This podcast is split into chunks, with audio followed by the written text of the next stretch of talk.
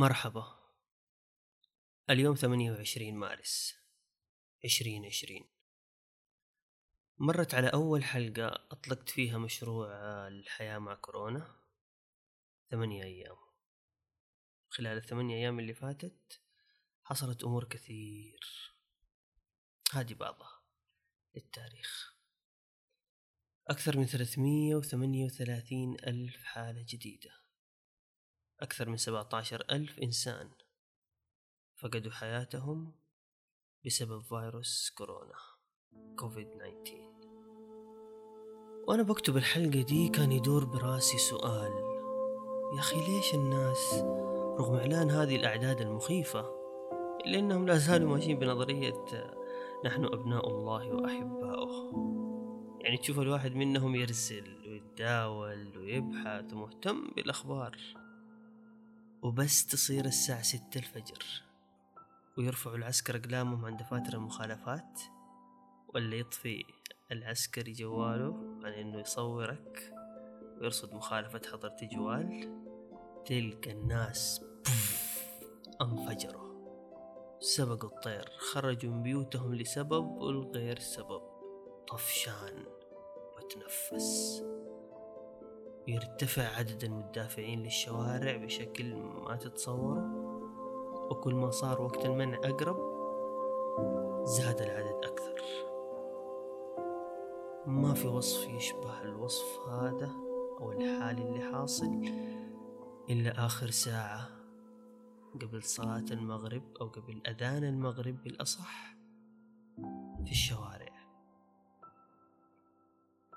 فأول ما بدأ حظر التجوال في المملكة كانت ساعة المنع تبدأ من سبع المساء لغاية ستة الصبح.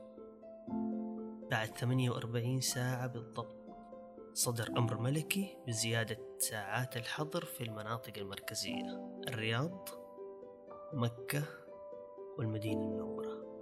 صار المنع فيها يبدأ من ثلاثة الظهر. وتقفلت علينا المدن حتى شهر آخر.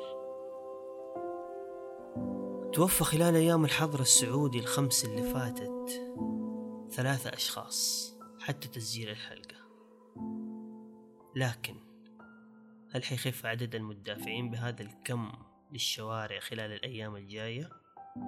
هل حتكون الخطوة اللي اتخذتها الحكومة تجاه مكافحة انتشار المرض لها جدوى؟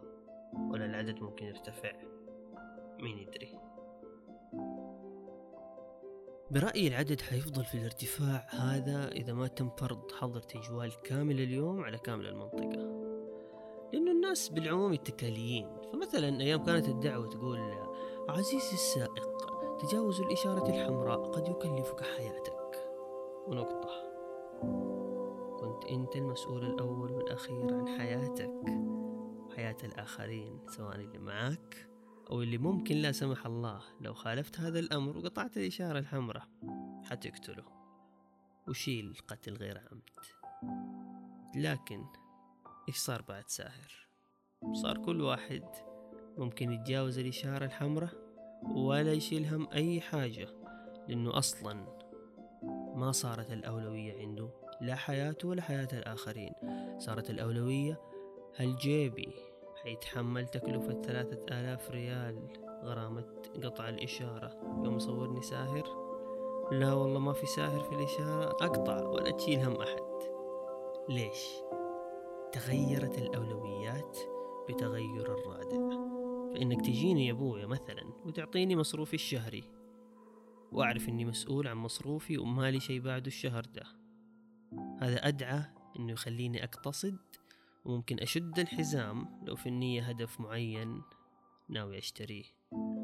أما يوم تخلق في عقلي فكرة إنك والدي هو المسؤول الأول والأخير في كل التزاماتي المادية والغير مادية فهذا أدعى إنه يخلق في اتكالية أعول عليها أغلب حياتي.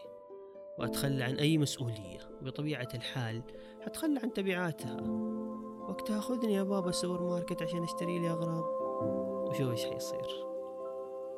بوف حفجر السوبر ماركت وحشتري كل حاجة لي نفس فيها ولا ما أبغاها. مو أنا اللي بدفع أنت المسؤول الأول والأخير. هذا اللي أشوفه. حصل بالضبط في قضية أجلس في بيتك كان العدد معقول تقريبا في الشوارع طوال اليوم. يوم كانت المسؤولية مشتركة بين الشعب والحكومة. يوم كانوا الناس مسؤولين فردا فردا. عن صحتهم صحة أهاليهم. كان رغم الخوف اللي موجود في الناس إلا إنه حس المسؤولية موجود. تلقى الواحد قبل لا يخرج من البيت عشرة يمسكوه على وين ما نبى نمرض.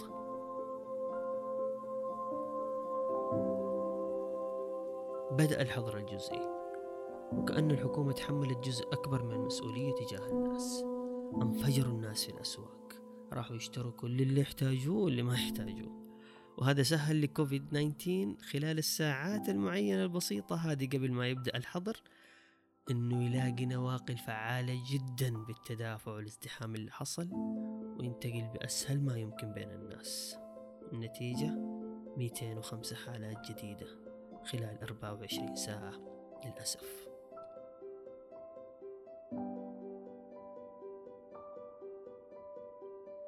لكن السياسة الحكيمة لقيادة البلد دائما هي التدرج في أي أمر في هذه الأزمات عشان لا يندفعوا الناس بالحظر الكامل فجأة للهلع والخوف. فأمن وأمان الشعب دائما. مسؤولية تثقل كاهل الحكومات.